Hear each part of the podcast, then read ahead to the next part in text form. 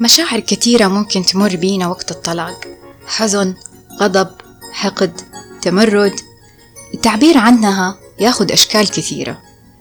في وسائل صحية وفي وسائل غير صحية للتعامل معها.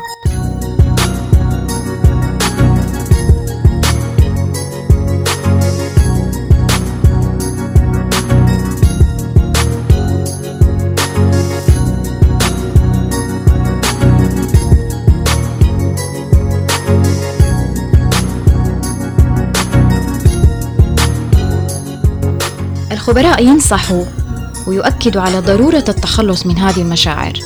الكتابة أحد هذه الوسائل فخلينا نسمع قصة اليوم ونرجع نتكلم عن هذا الموضوع مع الدكتورة رغدة. من يوم ما خرجت من بيتي ما وقفت عن البكا بالرغم من شعوري بالأمان في بيت أهلي بس ما كنت أعرف إيش اللي بيبكيني. كان بكائي من دون سبب. لأني خرجت بإرادتي من بيتي وبعد صراعات مريرة وبعد فرص كثيرة أعطيتها لطليقي. ما كنت أعرف إيش أسوي عشان أعبر عن حزني. وكيف أعبر؟ عما بداخلي من مشاعر وأحاسيس مبعثرة. حزن ألم ندم حيرة وضياع. لقيت نفسي بتوجه للكتابة وأوراقي منتورة هنا وهناك. أخبيها على طول في درجي. ما كنت أكتب قبل كده. وما أدري إيش اللي ألهمني إني أكتب.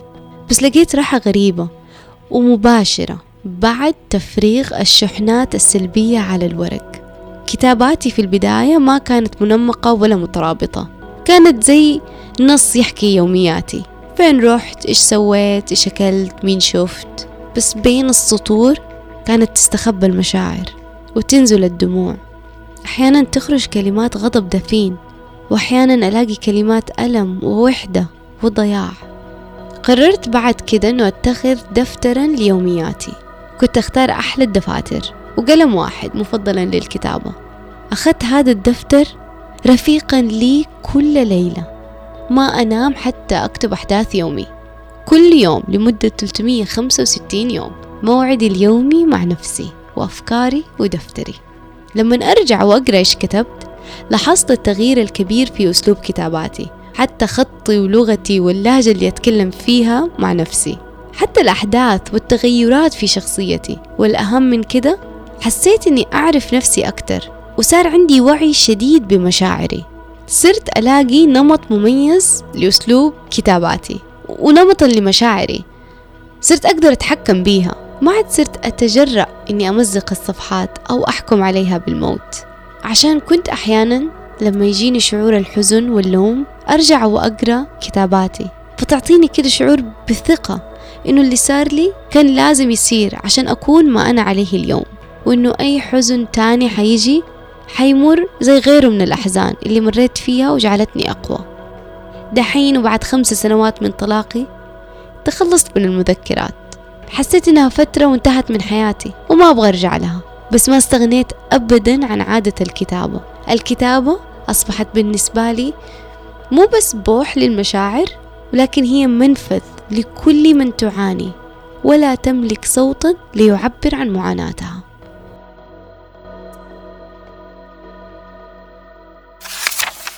ضيفتنا اليوم هي الدكتورة رغدة بو. رغدة استضفناها في أول حلقة من حلقاتنا اللي هي حلقة اتخاذ قرار.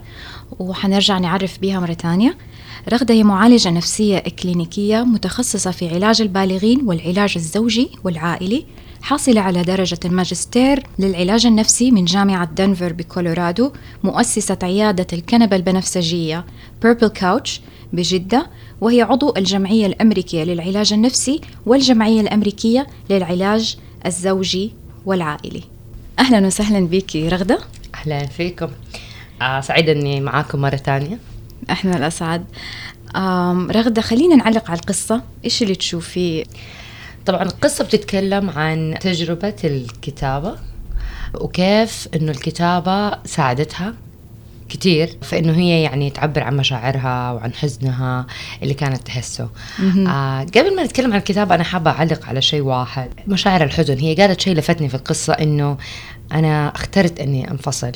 وكان قراري وأعطيت فرص كتير لطليقي مم. وبعدين لما جاني الطلاق أنا كنت ابغاه بس أنا كنت أبكي أنا أيوة. دائما دائما أسمع هذا الموضوع في العيادة أيوة. دائما دائما آه ال ال ال ال- ال clients والعميلات يقولوا لي إنه يعني هو أنا كنت حموت وأنفصل مم. طيب بهذا التعبير لكن لما انفصلت أنا مرة حزينة طب أنا ليش حزينة؟ confusion عندها. اي بالضبط.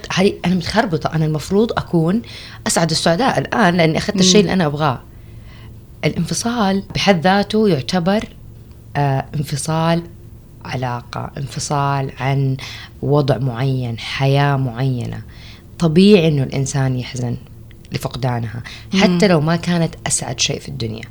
وهذه النقطة يعني أعتقد إن إحنا نحتاج شوية نوقف عندها لأنه الناس دائما يعتقدوا إذا كان في شيء سيء وراح منك خلاص لا أملك الزعل عليه هو سيء بس ما كان كل السوء فيه مم. أكيد في كل الحياة هذه كان في ذكريات كويسة أكيد كان في لحظات جدا جميلة أكيد آه، في البيت المكان نفسه كان مم. في أشياء آم، حلوة فيه بس الأشياء أيوة. السلبية كانت أكثر من الأشياء الإيجابية اللي في العلاقة هذه كلها مما خلاها أنه هي تبغى تنفصل وتترك كل شيء كويس هنا.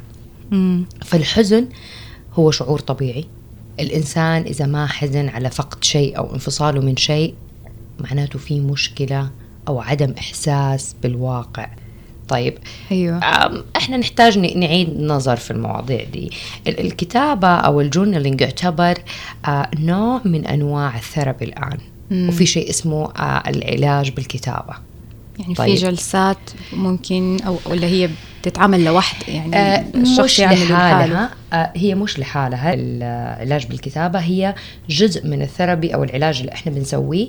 بيكون ال therapist أو المعالج بيحط الكتابة كجزء من العلاج. مم. وهذا النوع من العلاج ظهر في الستينات. آه، مع عالم كان اسمه دكتور إيرا. بروغوف هو اللي اخترع أو أنشأ ال intensive journal methods اللي هي إنك تكتبي بتركيز آه، شديد على مشاعرك وأحاسيسك. في فرق ما بين ال journaling therapy وما بين ال journaling العادي. يعني إيش journaling؟ يعني توثيق أحداث. آه الناس دائما تتخيل إنه أنا لما أسوي لما أكتب يعني أكتب أنا رحت اليوم هنا وجيت كذا وكأني بحكي أحد أنا إيش سويت اليوم أيوة. ال- اللي إحنا بنتكلم عنه شيء مختلف شوية إحنا بنتكلم على توثيق المشاعر والأحاسيس اللي بتجيني خلال اليوم زي اللي ذكر في القصة اللي معانا. اليوم يعني في هدف من الكتابة في مش هدف كتابة من مجرد الكتابة. فضفضة زي- بالضبط أنا ما بفضفض لأحد أيوة. وحكي أنا إيش عملت اليوم وإيش عملت بكرة مم. النوع هذا من العلاج أو الثيرابي ال- الفائده لي إنه ال- الإنسان يقدر يعبر عن مشاعره أحاسيسه ويبدأ مم. يطلعها. طبعا آه لما نشأ هذا النوع من العلاج في الستينات في آه، أمريكا بدأت استخداماته بشكل مرة كبير في مع عدة آه أنواع من الاضطرابات النفسية منها القلق الاكتئاب اضطراب ما بعد الصدمة آه الوسواس القهري الحزن آه، والفقد. مم. الحزن بعد الفقد طبعا. الحزن بعد الفقد آه مهم مرة لأنه إحنا في مشاعر معينة بتظهر زي ما ظهرت في القصة هذه. في مشاعر بتظهر أوقات تكون غريبة ليش بتظهر أوقات يكون الإنسان مو فاهم أنا ليش عندي هذا النوع من المشاعر. فالكتابة بتساعدنا وهذه هي فوائد الكتابة إنه بيصير في عندنا وضوح أكثر للأفكار مم. المشاعر. السيدة المطلقة بعد انفصالها بتتعرف على نفسها أكثر بأنها هي بتكتب بتكتب. الهدف مو إنها تعيد نفس الكلام. الهدف إنها هي تكتب كل المشاعر اللي بتجي في بالها كل الأحاسيس كل الأفكار. نظرتها عن نفسها. نظرتها على الحياة بعد. لأن الحياة بعد الانفصال هي مو نفس الحياة لما كانت مرتبطة. وإن أيوة. كانت أحسن كثير بس هي حياة جديدة. مم. لازم تتعلم مرة تانية تعيش لوحدها و... بالضبط تتعلم مرة تعيش حياتها. لحالها. مم. تتعلم تعيش من غير ما تكون سيدة متزوجة. بكل الامتيازات للسيدة. المتزوجة لو كان في أطفال لو كان في حياة تانية ومسؤوليات أخرى لو كانت single mom وأم لحالها هذه كلها أشياء تحتاج الناس تتعلم ترجع تعيشها وممكن ما تكون عاشتها. في سيدات مرة كتير تزوجوا في سن صغير عمرهم 18 سنة فهي عمرها في حياتها ما كانت single عمرها ما كانت إنسانة غير مرتبطة. يا هي من يوم ما فتحت ع... من يوم ما هي استوعبت إنه هي صارت أنثى هي إنسانة متزوجة. فجأة بعد عشر سنين 15 سنة هي المفروض تعيش شيء. الآن الناس بيعيشوهم عمرهم 18 19 سنة. هذا النوع من اختلاف الحياة و- وزيدي على كده الناس اللي بينفصلوا في سن أكبر. اللي متزوجين 20 سنة 25 سنة. فجأة أنا لازم أعيش كإنسانة منفصلة. مهما كانت العلاقة سيئة مهما كان هو ما له وجود كبير في حياتها مهما كان لا انت الآن بتواجهي انت الآن قدام الناس قدام نفسك قدام كل أحد. انت إنسانة منفصلة. مم. أو إنسانة غير مرتبطة بأي أحد. فنرجع لفوائد العلاج بالكتابة. منها طبعا أيضا تخفيف الضغط والتوتر اللي بيكون موجود في هذه الفترة. ممكن يساعد في حل المشاكل بطريقة فعالة بأنه لما بتواجهها أي مشكلة بتكتب مشاعرها وأحاسيسها فبتطلعها. مم. بعد كده بتهدأ ممكن ترجع تفكر في حلول. آه ممكن لو صارت لها أي اختلافات في الرأي أو مشاحنات آه بتكون بيست على أنه هي عندها مشاعر كتير جوة نفسها. فلما بتطلع هذه المشاعر ممكن مم. تقدر توصل لتواصل أحسن مع الناس. كنت أبغى أرجع شوية ورا مم. إيش ال- الضرر اللي ممكن يقع على الواحدة إذا ما كانت تخرج هذه المشاعر السلبية okay. على المستوى النفسي أو العضوي يعني أتوقع okay. له تأثير جدا على ممتاز. على الصحة كمان وعلى العلاقات وعلى طبعا أعتقد إنه هذا يعني من أهم الأسئلة لأنه الناس دائما يتخيلوا إنه طيب انفصلت إحنا نعيش في مجتمع 60% من السيدات والرجال بينفصلوا أنا ماني أول واحدة. رهبة الطلاق والانفصال الآن خفت كثير عن 20 سنة سابقة اللي هو جيل ابائنا وأمهاتنا يعني مم. خف كثير لكن آه، يظل آه، الانفصال أعتقد ما بيتعالج بطريقة صحيحة. إحنا شوف إحنا عندنا مشكلة في في تصنيفنا للأمور شوية. مم. يا إما نضخمها مرة يا إما ونحجمها يا إما أيوة. نضخمها مرة يا إما نحجمها ونخليها لا نتجاهلها. لها. اي خلاص هي مرة تافهة. تو ذا لدرجة إنه لا تبكي حتى عليها. أيوه أيوه. ممكن نقول إنه هم بيحجموا المشكلة ويصغروها جدا مما يضغط على السيدة المطلقة بحيث إنه هي ما عندها مساحة تعبر عن مشاعرها. أيوه. أو يقولوا لها أنت مرة أنت مكبرة الموضوع الموضوع ما هو ما يستاهل كل ده. بالضبط. وهو ترى يعني جدا عادي وطبيعي. وشوفي انت وضعك بالذات لو كان مثلا وضعها بعد الطلاق أحسن. مثلا لو توفر لها بيت وسكن و و انت وضعك أحسن من كثير ناس. ما صار فيكي ولا شيء يعني آه، مؤذي فخلاص ارضي. إيش في؟ مم. احمدي ربك. هو الحمد لله على كل حال لكن هذا ما ينفي مشاعر الزعل والغضب اللي بتكون موجودة جواتها اللي بيصير لو المشاعر هذه السلبية انكبتت وما ظهرت وما قدرت. تعبر عنها حتيجي تلاقيها تظهر بشكل عكسي بمعنى هي المشاعر شوفي ما في مشاعر سلبية بتموت جوة نفس الإنسان نحن آه. نقدر نخدرها بس إحنا ما مم. بنطلعها حترجع تظهر في زمن من الأزمان حترجع تظهر في علاقة من العلاقات لاحقة. ممكن وكثير- ترجع تظهر يعني ك كمرض عضوي. ممكن عضوي. وطبعا هذه كل ال somatic symptoms اللي إحنا بنشوفها اللي هي آه، أعراض جسدية سواء أمراض في المعدة الجهاز الهضمي مم. حساسيات آه، تساقط شعر. دكاترة الجلدية دائما يعرفوا يعني هذه الأشياء. إنه هو دائما دائما يشوفوا إنه okay اضطرابات في النوم أمراض المناعه, أمراض المناعة. آه كثير أعراض جسدية بتبان. مم. أمراض ال- ال- الروماتيزم العضلات الأمراض العصبية. في شيء داخلي مكبوت وزعل وقهر موجود ما طلع وما تعبر عنه بطريقة صحيحة. هذا لو كان بس جسديا. نفسيا بيظهر إنه نظرة المطلقات للرجال آه، نظرتها للعلاقات أصلا. أوقات في كثير ناس بناء على ال- المشاعر السلبية اللي موجودة جواتهم واللي ما تصرفت بشكل صحيح بتغير القيم والمبادئ الأساسية عندهم. بتزعزعها. ما ما تخلي في ثقة بين المرأة والرجل. ما في ثقة بين المرأة يعني- والرجل. آه اختياراتها تكون مختلفة تماما وأعتقد إحنا ممكن في حلقة ثانية آه نتكلم عن كيف اختيار شريك الحياة بعد الانفصال. مرة مهمة دي الحلقة. لأنه آه بيصير في عكس وهذه كلها بناء على مشاعر اللي ما خرجت أيوة. بالضبط بشكل صحيح مم. في الوقت اللي المفروض تطلع فيه مم. حنلاقي ردود أفعالهم بعد وقت على الأشياء البسيطة اللي ما تحتاج إنه هي تكون يعني السيدة تكون تزعل عليها بهذه الدرجة مم. بتزعل مرة مرة مرة مرة كتير فهذا اللي يدلك إنه الزعل هذا يعني ما هو على الحدث في مشاعر مكبوتة. هناك طيب انفعالاتها بتصير جدا عالية توترها ممكن ينعكس بتوتر عدم الشعور بالأمان في ناس يجي معاهم على اكتئاب مم. فجأة إذا يعني هم ينقلوا من إنهم زعلانين شوية لإنهم هم مكتئبين والاكتئاب مختلف تماما عن الزعل العادي، أنا ما بقول كل الناس لازم تكتئب بعد الانفصال بس طبيعي تزعل. مم. أوكي فعشان. أيوة. كده في مهم مهم جدا إن إحنا نطلع المشاعر السلبية هذه بشكل آه صحيح دائما الناس يسألوني طيب رغدة يعني إيش أقول إيش أكتب من فين أبدأ؟ أو إنه أنا ما أعرف أكتب أصلا والكتابة ما هي من ضمن مهاراتي. مثلا أنا ما هي من ضمن مهاراتي. آه أنا ما أعرف أنا لازم بشر أحكيهم. أنت ما تقدر تجيبي أحد تحكيه 24 ساعة مم. عشان نكون واقعيين. أنت حتى لو كان عندك معالج نفسي أو therapist أنت بتشوفيه مرة أو بتشوفيها مرة في الأسبوع مرتين أكثر حد ممكن. مم. بس لازم يكون عندك مساحة وأنت جالسة لحالك تتكلمي فيها عن مشاعرك. تعبري عن اللي أنت بيدور في بالك. أنا كمعالجة نفسية أعتمد على ال- ال- العلاج بالكتابة بشكل مرة كبير في ال therapy اللي أسويه. لأنه أنا ماني مع ال client. اللي بشوفهم والعملاء اللي بشوفهم 24 ساعة. مم. بس هم موجودين هناك مع نفسهم. هم بتجيهم الأفكار هذه دائما فمهم جدا إن أنا أعرف أنتوا إيش بتفكروا طول الأسبوع.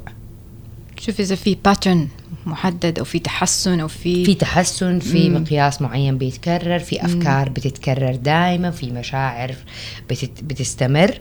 فمن الأشياء اللي نحن ننصح بيها دائما يعني يقول لك start low and go slow مم. نبدأ دائما بأشياء مرة بسيطة مرة بسيطة. أديني 20 دقيقة من وقتك. اكتبي أنت إيش حاسة اليوم. مم. مجرد مشاعرك اليوم. سواء على الحاضر الماضي المستقبل إيش الأفكار اللي انت جاية في بالك.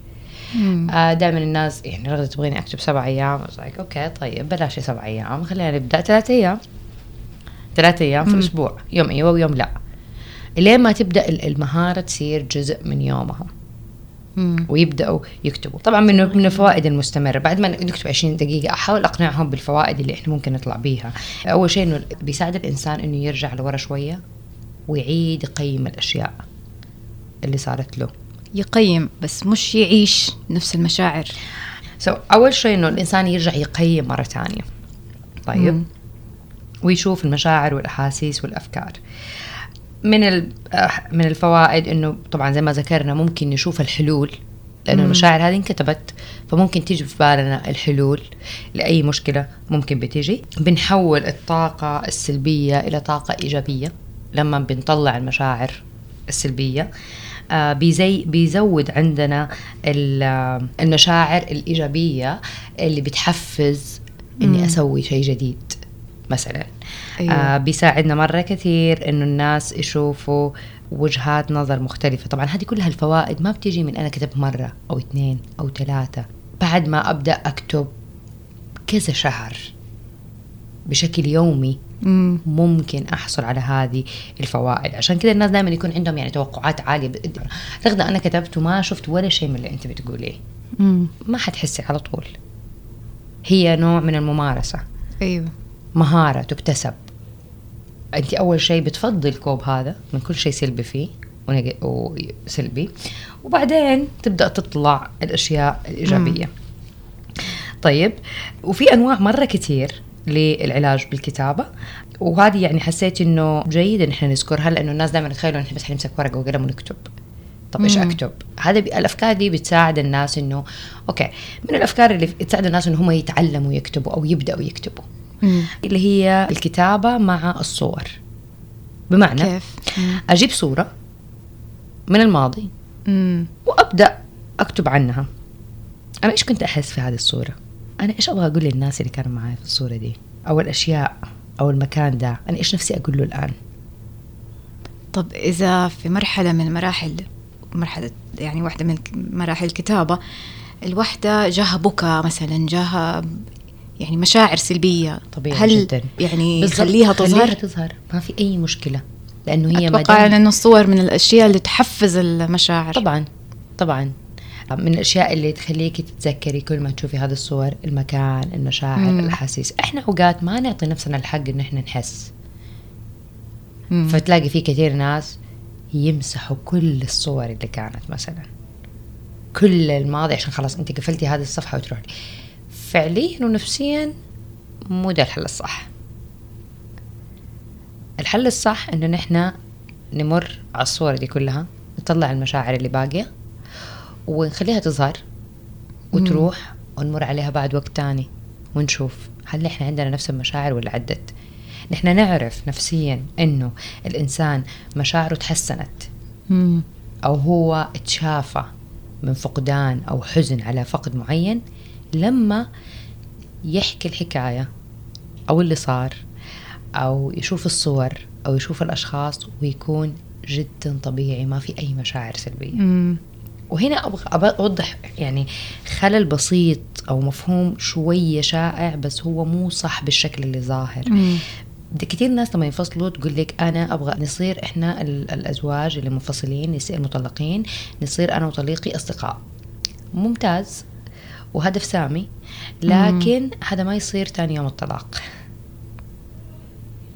أيوه. أوكي؟ هذا ياخذ إن إن انه كل واحد من كل طرف من الأطراف يطلع كل المشاعر السلبية وعشان نكون منصفين هم حتى الرجال لما ينفصلوا يحزنوا زيهم زي السيدات على الانفصال على تغير الحياة حتى لو هو اللي كان يبغى الطلاق آه نفس الشيء ما يفرق.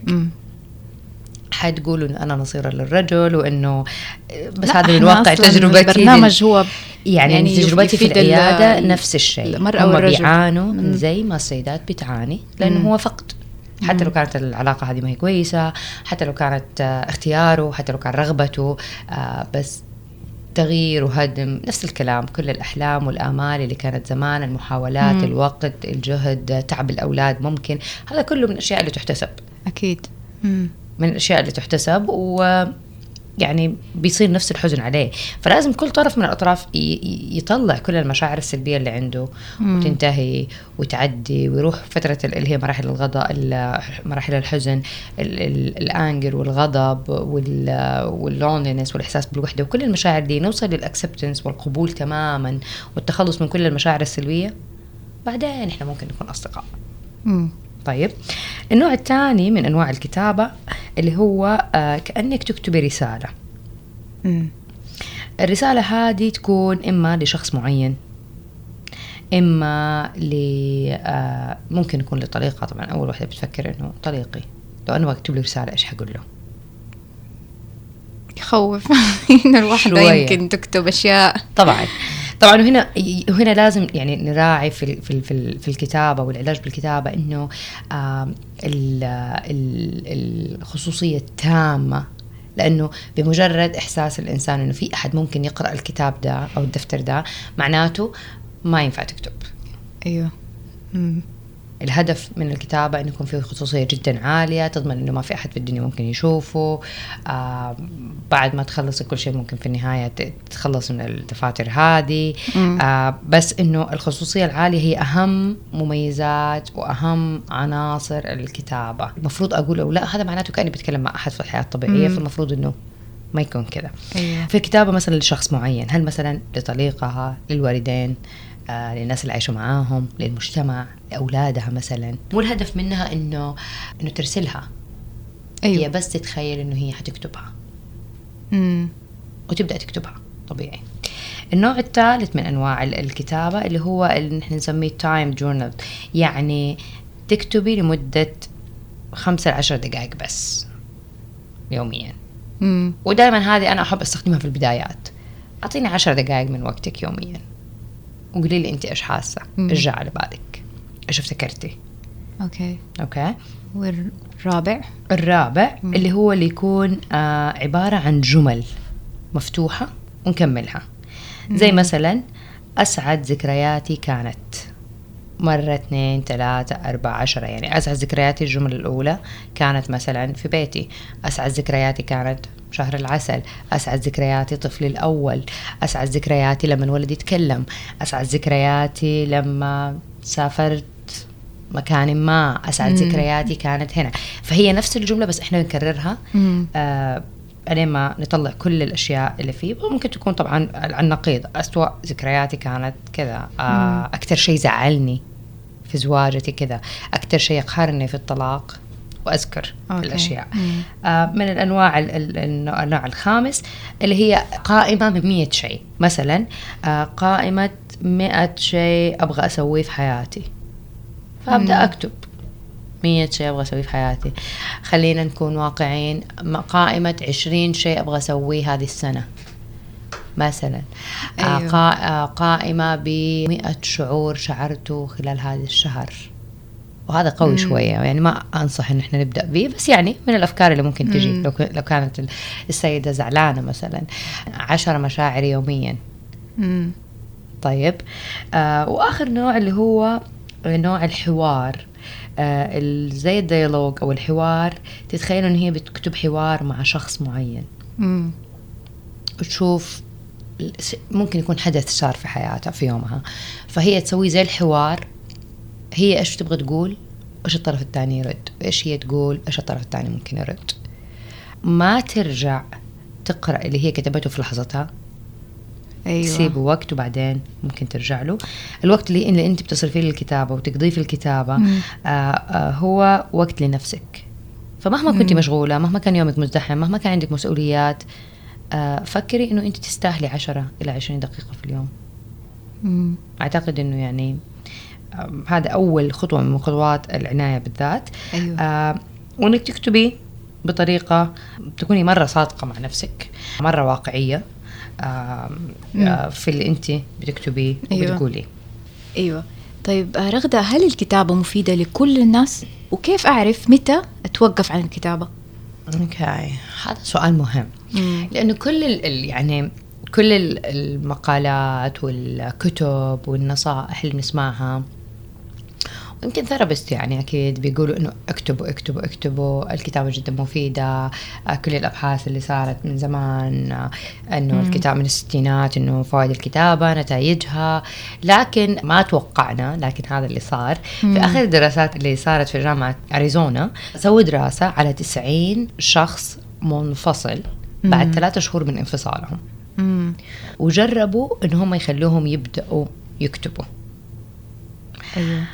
بشكل مفاجئ ما كانت هذه النتائج متوقعة اكتشفوا إنه الكتابة ما كانت مفيدة ليهم بعد فترة. والنتائج اللي ظهرت معاهم إنه وهذه هي اللي نعتبرها إنه زيها زي أي علاج في الدنيا هي مفيدة الناس بس ممكن ما تكون مفيدة الناس ثانيين ممكن تض- تضر ممكن لهذه تضر. الدرجة ولا ممكن بس تضر. تكون مو مفيدة؟ أنا ما أؤمن بنظرية إذا إذا إذا ما فاد ما ضر ما في شيء اسمه ما ضر أيوه له أثر جانبي مم. حتى لو عدم ضرره بس أنت بتسويه وما بتجيك منه فايدة معناته في شيء مو مزبوط مم. الكتابة من الأشياء اللي وجدوا إنه لا هي ليها آثار جانبية سلبية وأعتقد إنه آه ضروري نذكرها عشان نكون واقعيين في اقتراحنا مم. للعلاج بالكتابة اللي, اللي لقوه في هذه الدراسة اللي صارت في جامعة أريزونا إنه الناس بيعيشوا كثير في خيالاتهم. مم. لأنهم بيكتبوا كثير ويتخيلوا كثير وبيعيشوا بس في الخيال اللي في هذه الكتابة. أيوه.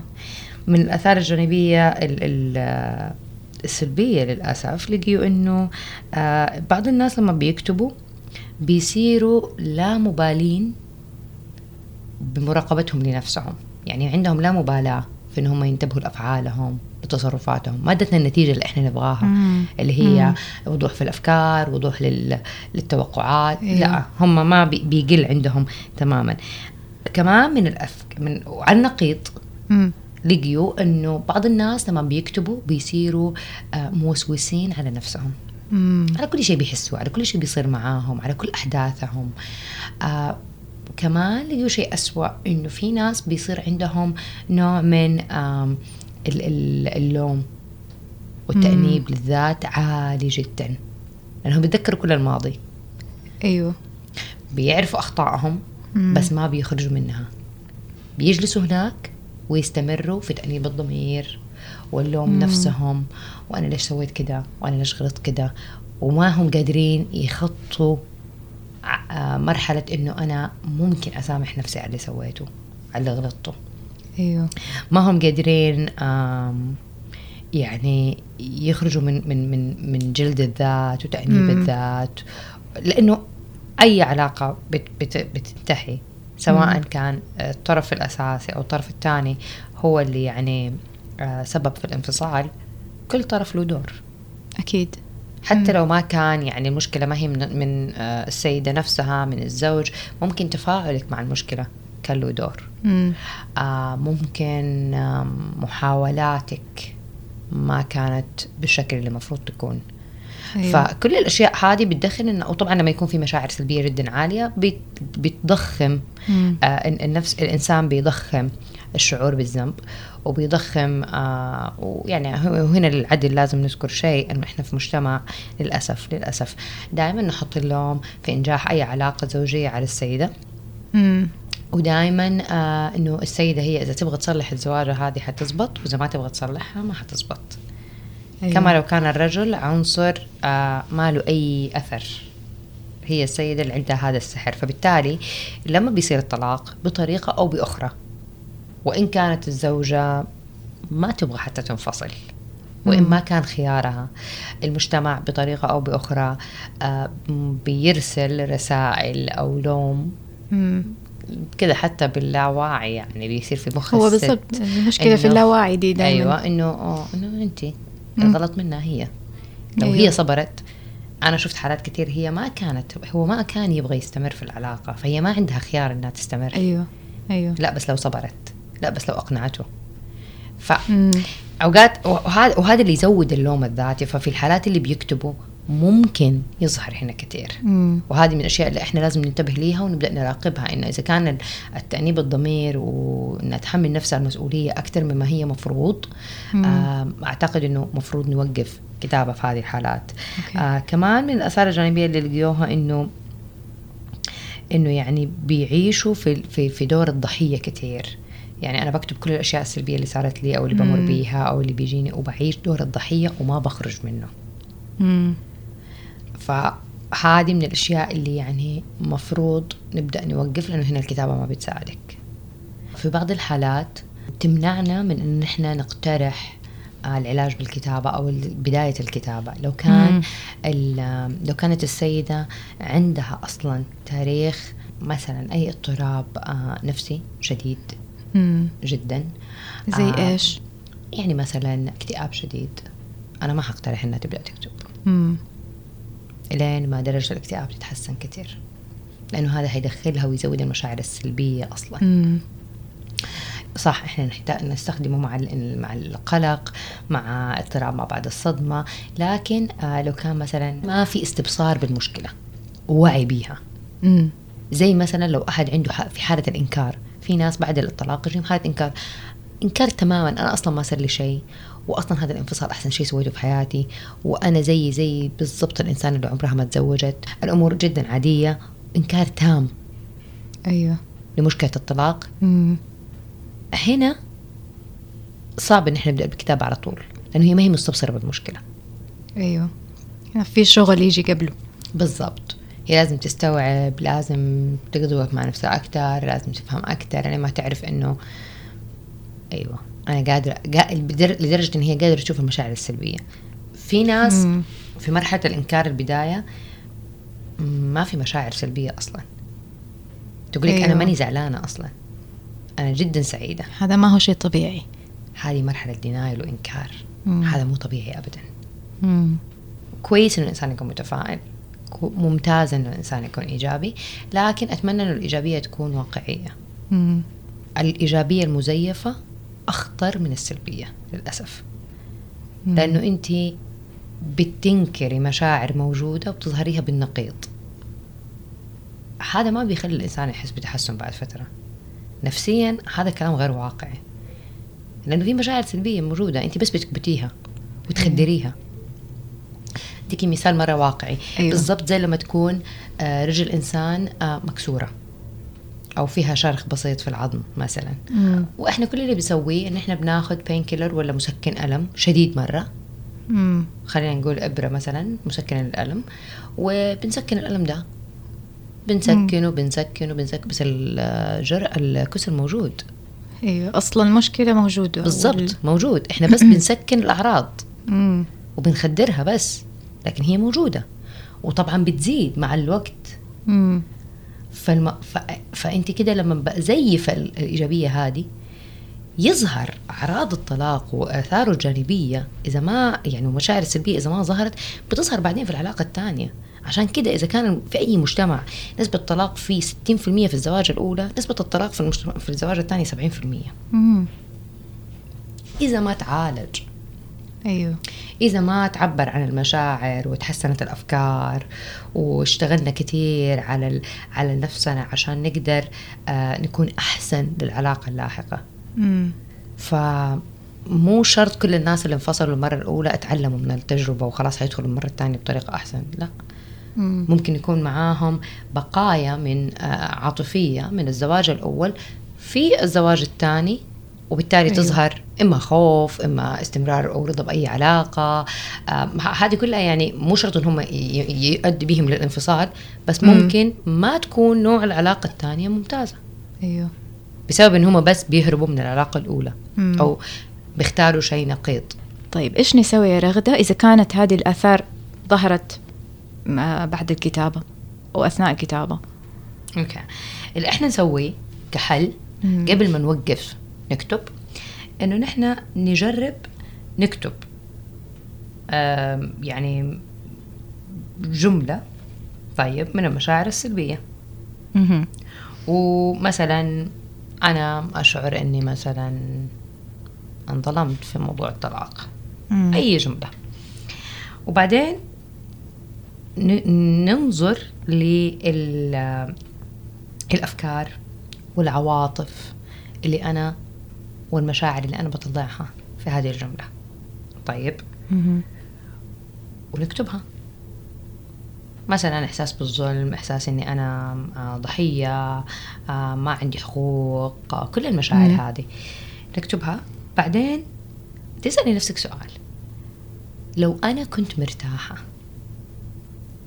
أصلا الآن مهم. هل ممكن أشعر بالشعور ده. أنا ما حفكر في الماضي أنا حفكر في الحاضر الآن الآن وقت ال... وقت ما جاني ال- الشعور ده. وقت ما كتبت المشاعر دي لو كنت مرتاحة هل حكتب نفس الشيء؟ طيب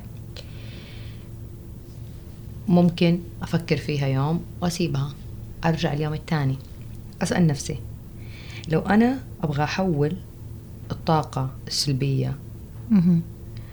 في هذه ال ال ال من هذه الجملة مم. طاقة إيجابية ولا إبداعية مثلا إيش ممكن أسوي؟ إيش ممكن أقول؟ مم. وعشان يكون شيء عملي مثلا لو أنا كتبت آه أنا أشعر إني انظلمت في طلاقي مم. لو حكتب بشيء إيجابي حفكر طيب أفكر في حق واحد من الحقوق اللي جاني ممكن أقول أنا ممكن وهو حيكون شيء سهل وتافه جدا بس يعني إذا إحنا نبغى ندور على أبسط الأشياء. مثلا أنا حصلت على حريتي في الطلاق ده بس أيوه بكل السوء اللي فيه على الأقل أنا إنسانة حر الآن مم. أنا ما بدعو للطلاق ولا بأيده لكن أنا بتكلم عن السيدة اللي خلاص انفصلت مم. وعندها هذا النوع من المشاعر كيف ممكن تحول الطاق ال- الكلام السلبي لشيء إيجابي ليها هي أيوه في لحظتها طبعا إحنا نرجع هنا مرة تانية إحنا عشان نتفادى ال- الشعور بتأنيب الضمير الشديد نتفادى الغوص وال وال وال وسو والوسواس. آه المستمر في المشاعر السلبية مم. طيب آه ممكن مثلا من الأشياء اللي إحنا نرجع نفكر فيها مرة تانية مم. لما نكتب نفس العبارة اليوم الثالث إنه لو أنا كان عندي تقدير لذاتي بشكل أكبر هل ممكن أكبر أكتب الجملة دي. وإحنا هنا بنرجع للقيم وال- والمبادئ الأساسية اللي عن نفسنا أيوه نظرتنا للحياة هل مم. ممكن أكتب نفس الشيء عشان أعرف أنا المشاعر دي جاية من فين.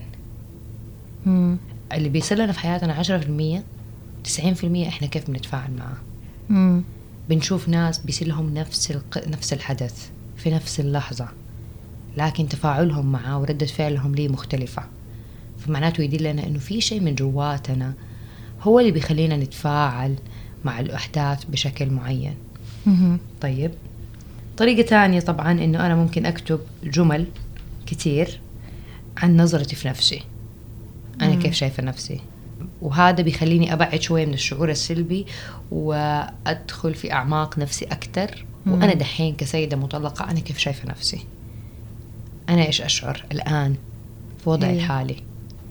هذا بيطلع نظرتك لنفسك إيش الأشياء إذا في أشياء معينة تحتاج تشتغلي عليها؟ يعني كأننا بننقل من إنه إحنا بس بنسرد الأحداث السلبية اللي صارت والمشاعر السلبية اللي في البداية مم. إلى أشياء ممكن تفيدني. وتساعدني. مم. طيب. طبعا بطريقة جدا يعني إيجابية وهذه أقترح فيها إنه نحن بعد وقت بعد ما نطلع كل المشاعر السلبية بعد ما نطلع كل شيء إحنا مرينا فيه إنه ممكن أسأل نفسي سؤال طيب أنا كيف ممكن أستفيد من. اللي صار لي؟ كيف ممكن أنضج أكثر بعد هذه هذه الخبرة أو الإكسبيرينس اللي مريت فيها مم. إيش ممكن أسوي لنفسي عشان أكون في وضع أحسن في وضعي الحالي؟ وأعتقد هذا سؤال مرة مهم. في مرات كثير الطلاق ما هو اختيار. مم. آه وفي سيدات كثير جدا بينجبروا إن هم ينفصلوا. مم. سواء بسبب الظروف فيلجأوا للطلاق كآخر الحلول أو الطرف الثاني بيصير الانفصال. آه مهم جدا أن أنا أسأل نفسي طيب أنا هذا وضعي؟ وهذه. حياتي الحالية. كيف ممكن أعيش بشكل أحسن؟ غير أنه أنا لازم أرتبط بكرة. طبعا هذه أيوة. هذه نظرية يعني يعني حنتكلم عنها في الحلقة الثانية بعدين كيف اختيار شريك أيوة، شاء إيش. الدوافع إيش إحنا ممكن نقول مم. آه، لو كان عندنا الخيار إنه أنا كيف أخلي حياتي الآن كسيدة منفصلة مطلقة آه سواء موجود أولاد أو غير موجود أولاد كيف أخلي حياتي الحالية أسهل مم. وأكون مبسوطة فيها ومرتاحة هذه نقطة مرة مهمة ومن هنا تبدأ تجي الحلول الحل مش من برا الحل من جوا.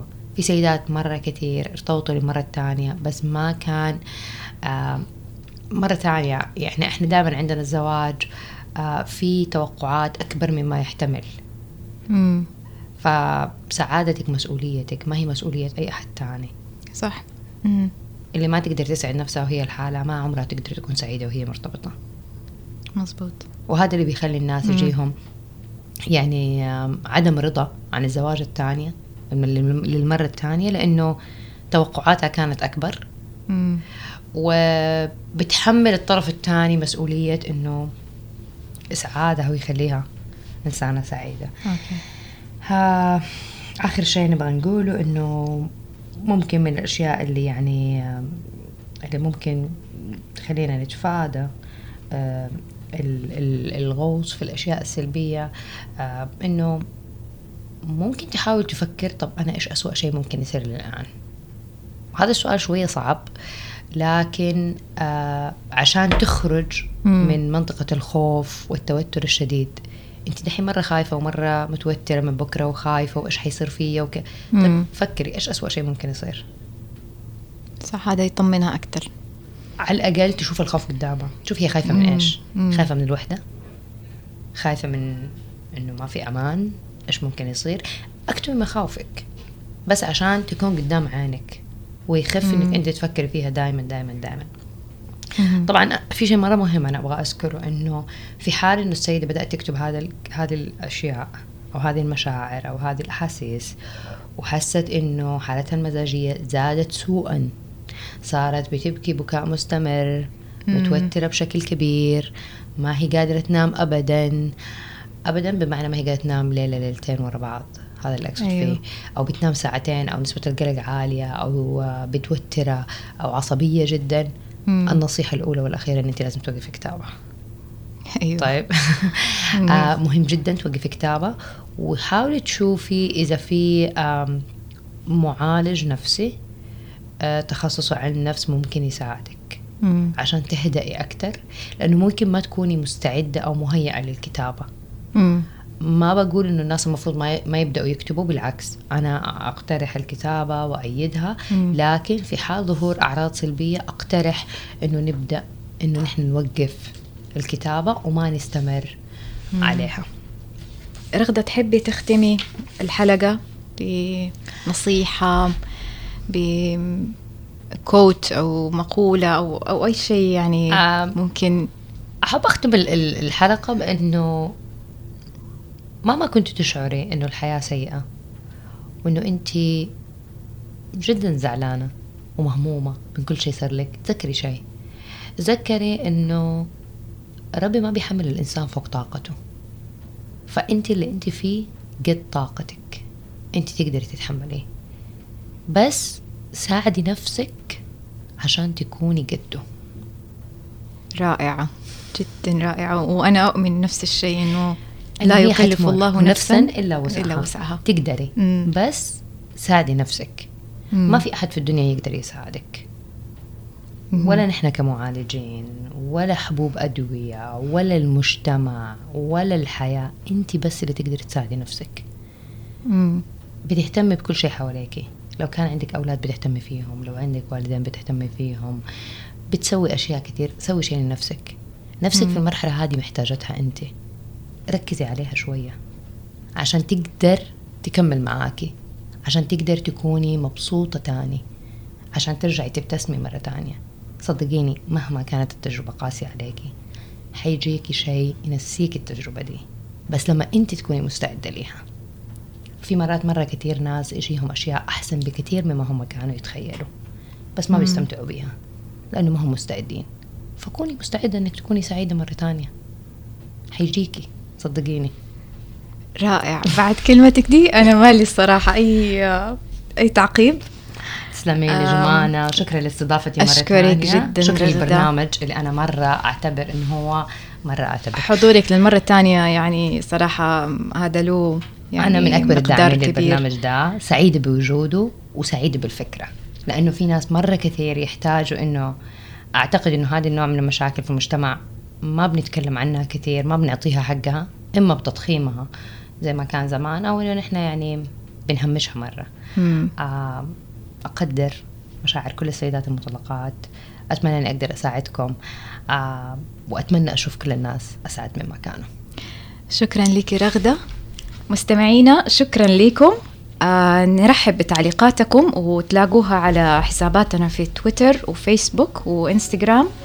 على اقلب الصفحة أو إنكم ممكن تتواصلوا معنا على اقلب دوت الصفحة at مستدفر دوت كوم شكرا.